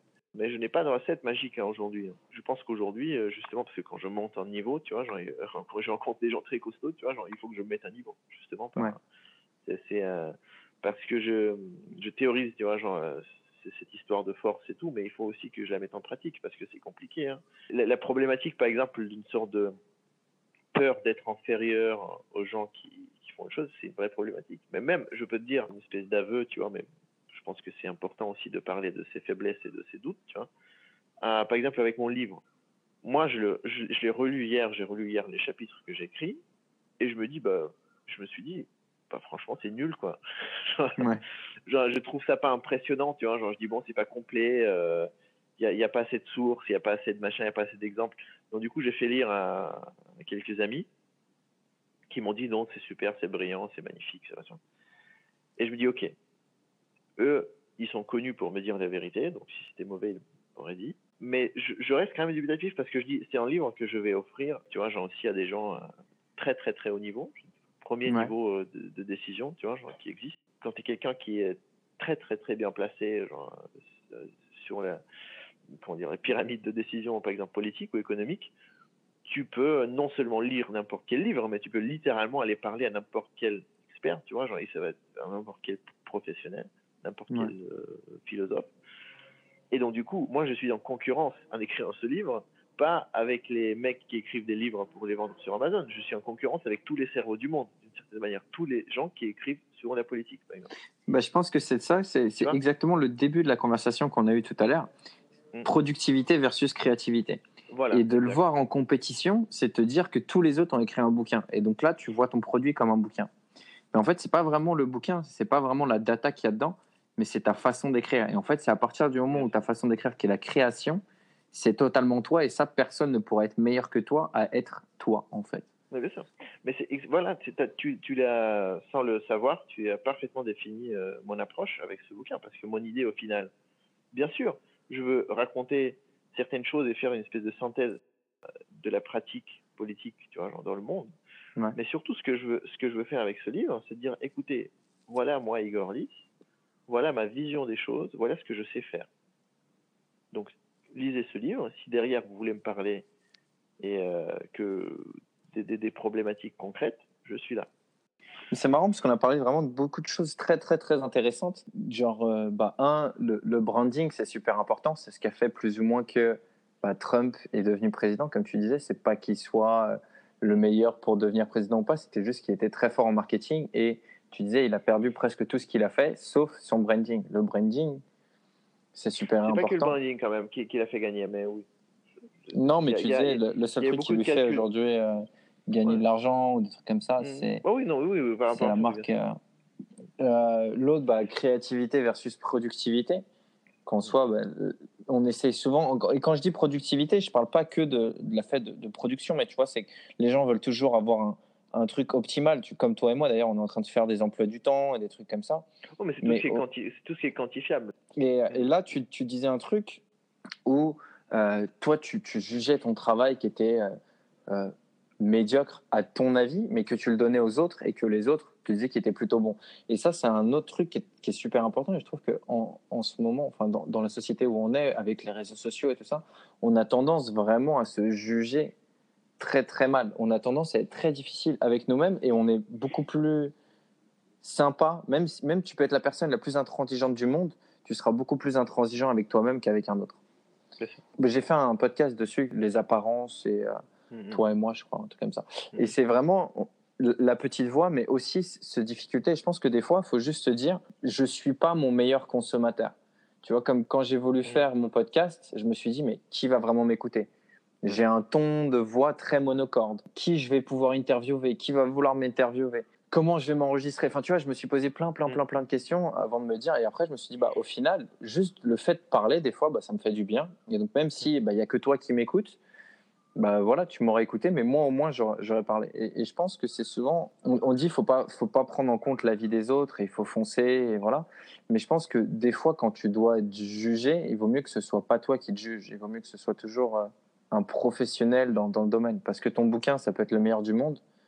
Tu, tu diras jamais, tu te diras jamais, ah c'est cool, je peux pas l'améliorer. Là, j'ai vraiment fait le top du top. Oui, mais surtout parce que, parce que quand tu juges ce que tu fais, tu compares nécessairement, hein, tu compares le résultat, le fruit de ton travail, avec une sorte d'idéal que tu avais dans la tête quand tu quand tu t'es Ouais. mis à, à le faire. Et donc du coup, par rapport à ça, il y aura toujours sorte de frustration parce que quand on imagine quelque chose, on l'imagine dans sa forme parfaite. Du coup, quand quand quand ça devient tangible, forcément, c'est pas parfait. Sauf si on est un génie absolu, tu vois, genre mais moi je Mais même un génie absolu, je- je pense qu'il le verrait. non, Je pense qu'il le non, verrait mais je, pas. non, hein. mais, non, mais je veux dire, je, je parlais.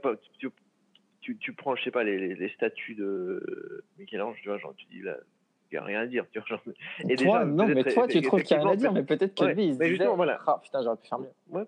Possible, ouais. Mais donc, du coup, en réalité, c'est que toi, tu compares toujours ça, à- que ce soit un roman ou euh, un festival de cinéma ou, ou même, je sais pas, un plat que, que tu cuisines, tu vois, genre pour tes potes ce soir.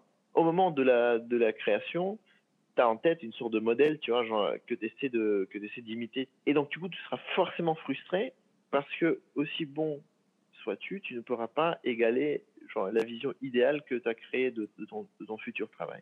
Mais les autres, les consommateurs, ils n'ont pas accès à cet idéal. Ils ont accès juste à ton produit. Et donc, du coup, ils, ils sont pas ils sont, ils sont pas éblouis par, ce potentiel de la perfection, tu vois, genre, qui est à l'origine de ce produit. Ils, le consomment tel, tel qu'il est.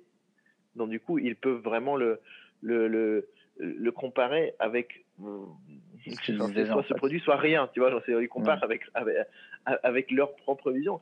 Et, et donc, du coup, c'est pour ça que euh, il- souvent, toi, euh, tu fais un truc et tu dis, tu te dis putain, c'est la merde, genre, vraiment, euh, j'ai merdé, j'ai perdu le temps et tout.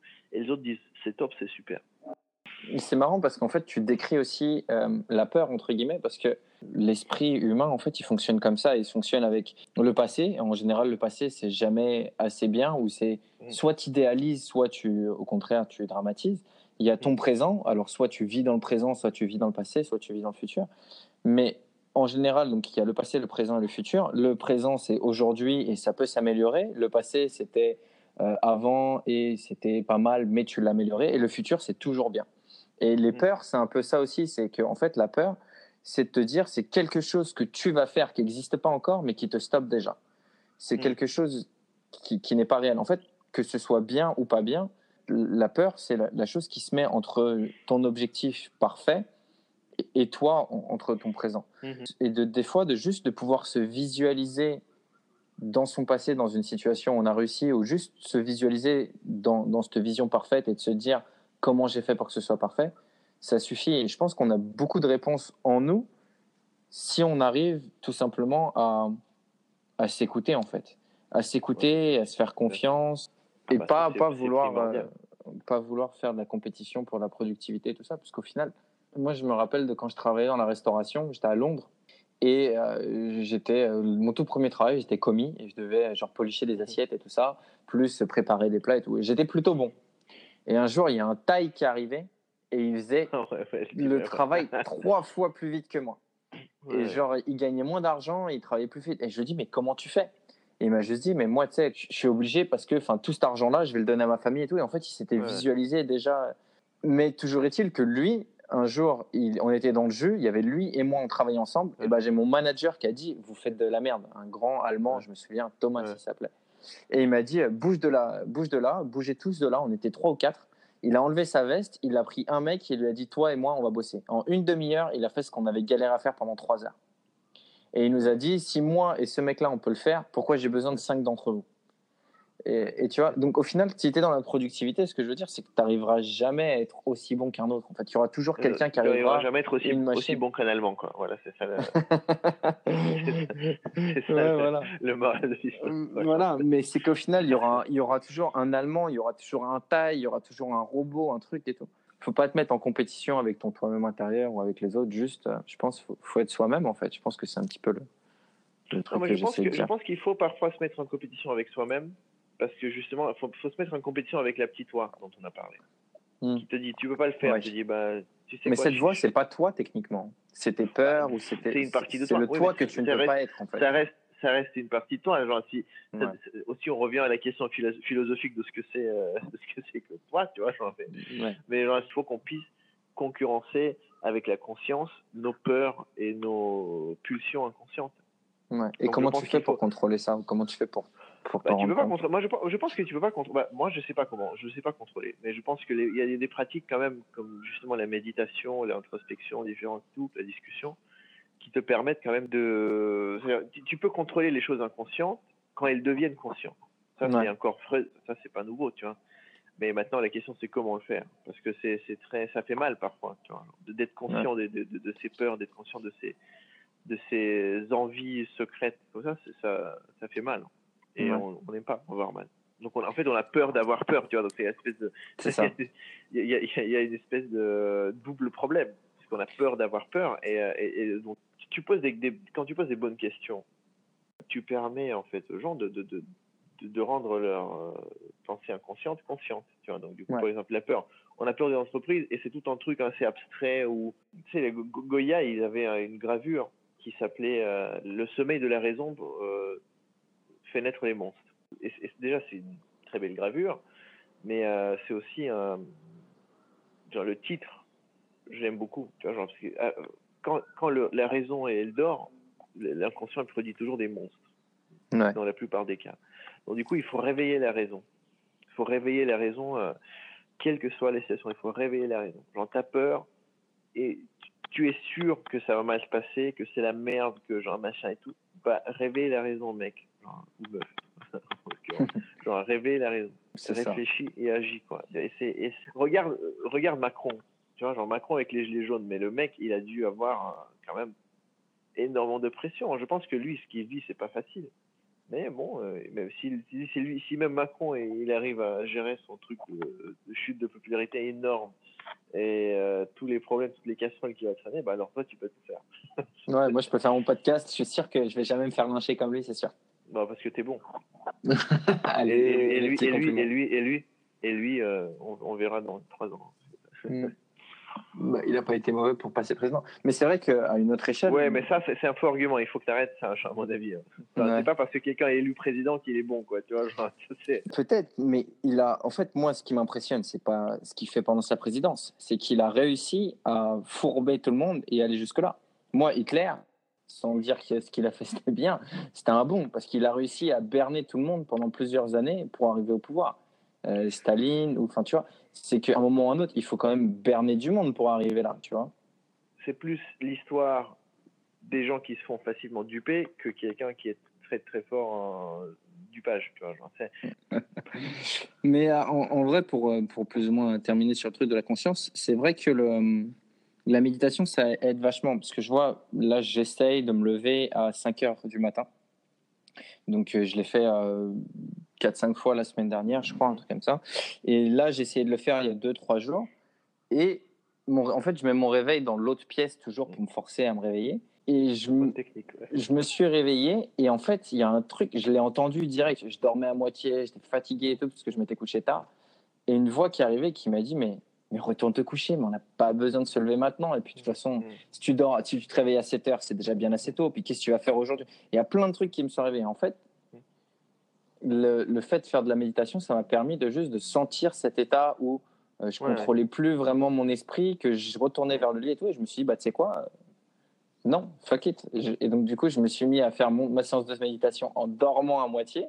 Mais, mais ouais, mais la méditation, en fait, c'est vraiment important. Et, et je Mais pense plus, que. t'es plus fort que moi parce que moi, dans ces conditions-là, euh, je, je reviens dormir à ce moment. Si, Ouais, J'aime dormir quand même. je veux pas te mentir. Ouais, mais moi aussi. Hein. Après, je te dis pas que ça marche tout le temps, mais si tu le fais une fois, tu casses au moins un truc où tu te dis j'ai été plus fort. Et si tu l'as fait une fois, Mhm. tu sais que tu es capable de le faire une deuxième fois. Et puis une troisième fois. Parce qu'au final, regarde, là, là, demain, tu dois te lever à 5 heures. Tu le feras peut-être pas. Probablement pas. Certainement pas. Maintenant, demain, tu as un avion à 7 heures du matin. Tu vas te lever à quelle heure? Ouais, ouais, non, mais ça c'est un bon exemple. Ouais. Ça c'est un très bon exemple. Ouais. Voilà.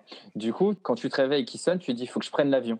L'avion pour aller écrire mon bouquin. Et ça peut être un avion tout simplement d'aller ton salon. Sauf que là, euh, genre, au moment où je me réveille, mec, je suis vraiment capable d'aller prendre le taxi pour l'aéroport et me, et me Mais rendre compte du truc, tu vois. Voilà. Genre, une demi-heure après, genre. Mais si ça marche et si ça t'aide, bah, écris, écris tes bouquins à 5 heures du matin de l'aéroport. Toujours est-il que si tu le fais une fois, deux fois, trois fois, après, Si vraiment tu avais un Tu penses truc qu'il y a à... beaucoup de gens, et tu penses qu'il y a beaucoup de gens là qui ont commencé à écouter ce podcast il y a une heure et demie et qui, qui, qui sont restés jusque-là? Déjà, euh, le podcast, il est enregistré, il va être édité, il va être tout ça. Et ben justement, c'est pour ça que je voulais euh, demander, parce qu'on a parlé de tout et en fait, on, comme c'est ce que j'aime beaucoup dans, dans, dans le projet de mon podcast, c'est que ce soit une conversation téléphonique et que les gens vraiment, ils la vivent en live, mais qui retiennent toujours plus ou moins des leçons. Et, et toi, est-ce qu'il y a des, des trucs que tu aimerais que les gens, les... le mec qui a écouté, parce que sur écoute, en général, il n'y a qu'un seul mec qui écoute, le mec qui a écouté notre podcast, t'aimerais qu'il qu'il retienne quoi de, du, du podcast euh, Hormis le fait qu'il faudrait qu'il aille acheter ton bouquin euh, ou qu'il aille au Ah ouais, ça, festival euh, ça, c'est- en ça, Russie? c'est obligatoire. Ça s'appelle Néopolitique. Allez, attends. Avant, Né- que tu racontes trop, avant que tu racontes trop, néopolitique. Moi, j'aime pas la politique. Pourquoi je l'achèterais ton bouquin?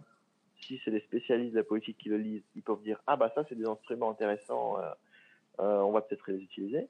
Et d'autre part, si toi tu connais pas la politique, mais donc tu t'intéresses un peu, tu peux regarder ces instruments et peut-être ça te permettra de mieux comprendre en fait qu'est-ce que les gens qui te qui te baratinent euh, sur les réseaux, à la télé, partout, qu'est-ce qu'ils sont en réalité? Quelle est leur proposition? Quelle est leur qu'est-ce qu'ils veulent en fait? Qu'est-ce qu'ils me veulent ces gens-là? Et, ça, et je pense que c'est assez important parce que le, le vrai but de ça, pour les gens qui ne sont pas vraiment dans la politique, tu vois, qui ne s'intéressent pas vraiment aux technologies politiques profondes, Ouais. c'est de se dire, genre, j'analyse la politique, Ouais. Mais je vais l'analyser pas comme les gens le font dans le bistrot, en mode, tu mode émotionnel, tu vois, avec quand tu baves euh, sur ton interlocuteur euh, parce que t'en peux plus, mais en mode analyse technique. Genre, je vais essayer de vraiment comprendre. Et je, je, je veux pas juste être victime de cette manipulation dont on a parlé, tu vois, genre qui fait appel à nos émotions, euh, à la rhétorique, aux techniques de conviction. Et en fait, c'est basé sur aucun fait, tu vois, genre c'est rarement euh, basé euh, euh, sur ce qui, ce qui s'appelle la confiance par preuve. C'est on fait Ouais. confiance pas parce qu'il y, y a des preuves, mais on fait confiance parce que parce que mille raisons, tu vois. Mais, mais, mais, mais, mais du coup, pas de preuve au final, tu vois, de- du fait que c'est bien. Donc du coup, euh, au lieu de faire confiance aveugle émotionnelle, peut-être que j'aiderais les gens à faire confiance à certains euh, hommes ou certaines femmes politiques parce qu'il y aura des vraies preuves et une vraie analyse technique derrière. Je pense que c'est important parce que la politique, au final, on peut aimer, on, ne- on peut ne pas l'aimer, mais elle est là. quoi. Elle est là et elle régit nos sociétés. Et c'est ça le. Euh, voilà, en fait, je pense que cette phrase aurait suffi pour toute la description de 5 minutes que tu viens de faire. Je pense que tu aurais pu dire bah, la politique, euh, que vous l'aimez et que vous l'aimez pas, elle est là et elle est faite pour rester en soi. Et, et au final, comme tu l'as dit très bien, c'est pouvoir aussi reprendre sa vie en main, d'arrêter de se faire mener par le bout de son nez. Euh, c'est assez basique. Donc, si les gens ils veulent en savoir plus, déjà ils peuvent toujours m'écrire et je réponds à tout le monde, ou ils peuvent écouter le hein, sur Instagram par exemple, par exemple toi, je vais faire la promo de mon Instagram Allez. C'est Igor Lys, I G O R L Y S, très simple. Qui peuvent m'écrire, ou ils peuvent écouter mes éventuels podcasts. je ne sais pas où je vais les mettre parce que euh, il faut, je pense que je vais faire un site genre néopolitique.org ou un truc comme ça. Euh, je- je pas encore acheté, je sais même pas si son domaine est disponible. donc je- attention. Mais, euh, Et du coup, l'intérêt de quelqu'un d'écouter ce podcast, pourquoi il aurait dû écouter ce podcast jusqu'au bout? Toi, t'en as retenu quoi? Ou tu penses, t'aimerais qu'ils en retiennent quoi, eux? Tu parles d'une autre, hein? Ouais. Bah moi, écoute, avant tout, c'est un vrai plaisir toujours de te parler. C'est un mec super, très intelligent, et je pense que tu aides beaucoup, tu aides les gens à, devenir meilleurs, et c'est très important. Euh, je pense que moi, je sais pas qui l'intérêt pour écouter. Moi, je peux te dire que l'intérêt de participer, c'était de devenir un peu meilleur. On va parler des choses intéressantes. Et euh, donc moi, je vais te donner une réponse qui va te paraître peut-être générique, mais c'est la seule honnête que je peux donner. C'est euh, que ce podcast, comme n'importe quel podcast peut-être au monde, euh, son seul vrai but, c'est, je reviens à ce qu'on disait au tout début, c'est d'inspirer. Si Ouais. quelqu'un nous a écoutés et euh, il s'est dit, ah bah ça c'est intéressant, ah ça c'est une bonne idée, ou ah, ça je suis pas d'accord, ils sont vraiment cons ces deux-là, mais en réalité c'est comme ça. Tu vois, si quelqu'un a eu euh, des une sorte de de- de- de- d'inspiration forte ou faible ou des inspirations différentes en nous écoutant, alors euh, super. Et, c'est- je pense que l'objectif est atteint. Si personne ne s'était inspiré, alors on est vraiment de con. quoi. Faut qu'on arrête. mais euh, mais je pense, je pense, je pense, je pense très sincèrement qu'on a dit quand même suffisamment de choses intéressantes pour que les gens euh, soient un tout petit peu inspirés pour faire quelque chose, pour se poser des questions, euh, ou qui sait, pour monter un festival de cinéma quelque part. Allez. Et s'ils veulent monter un festival de cinéma, est-ce que tu, est-ce qu'ils peuvent te contacter et tu les aideras? Euh, non, parce que s'ils me contactent, je vais le faire pour, je vais le faire pour eux.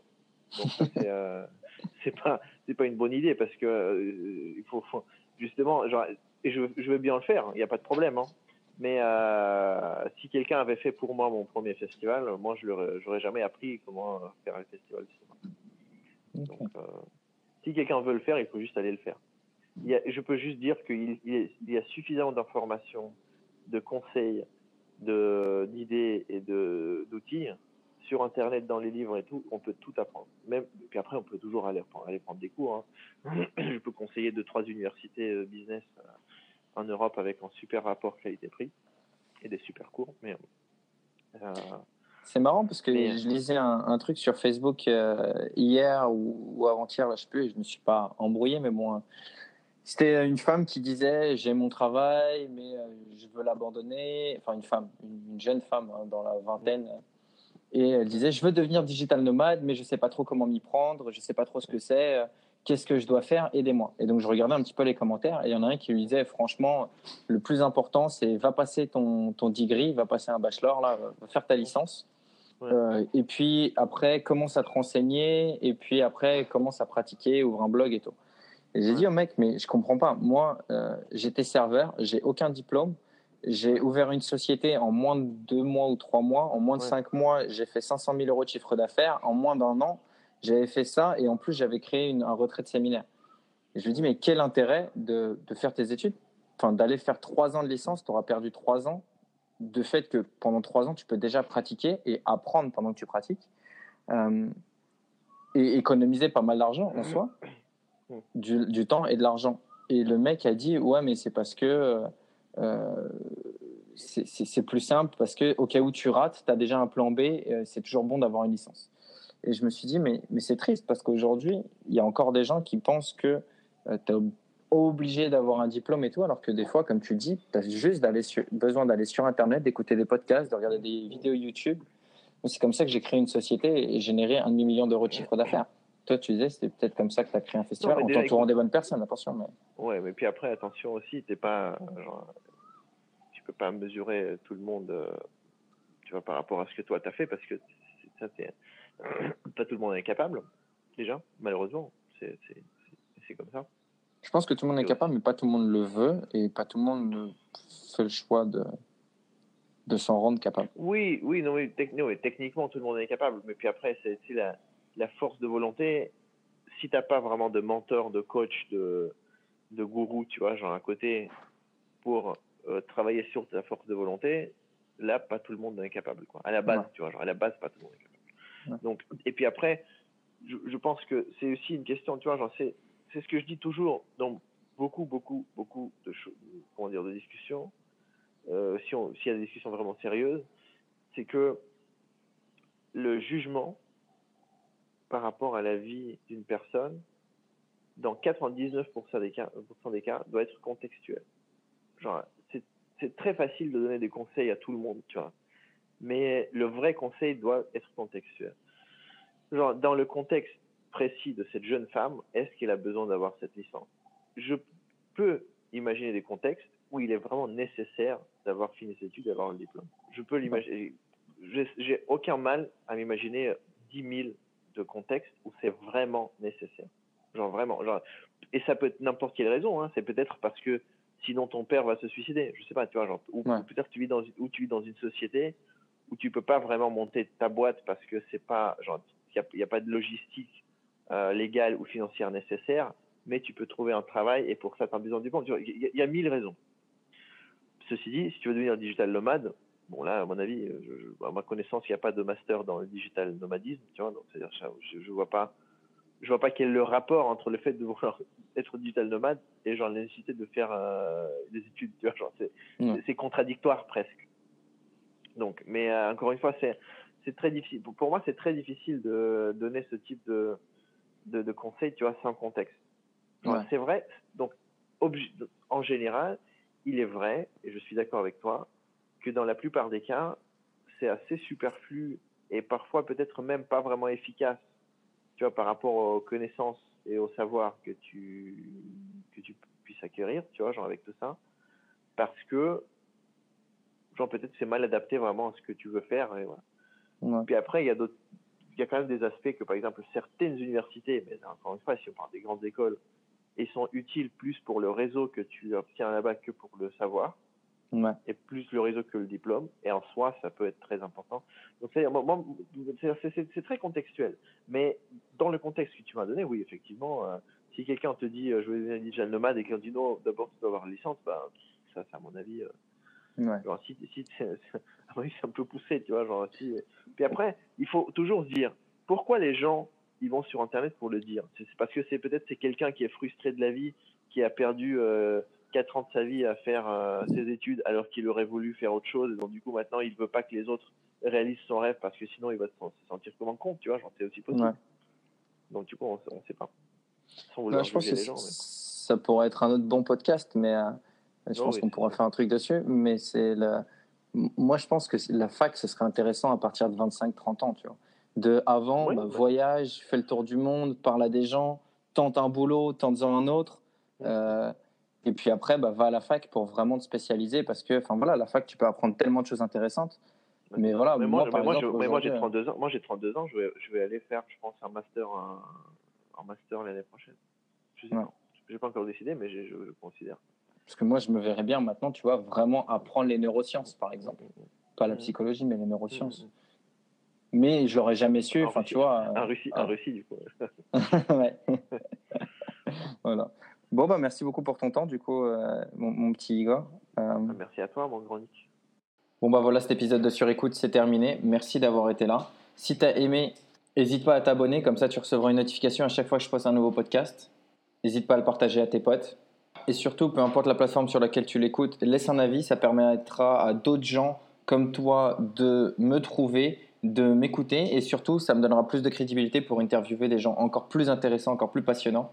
Merci pour ton soutien, ça compte énormément pour moi. Je sais pas comment te le dire, hormis bah, viens me parler sur Insta, viens me parler sur Facebook et je te remercierai encore et encore et encore. Sur ce, je raccroche.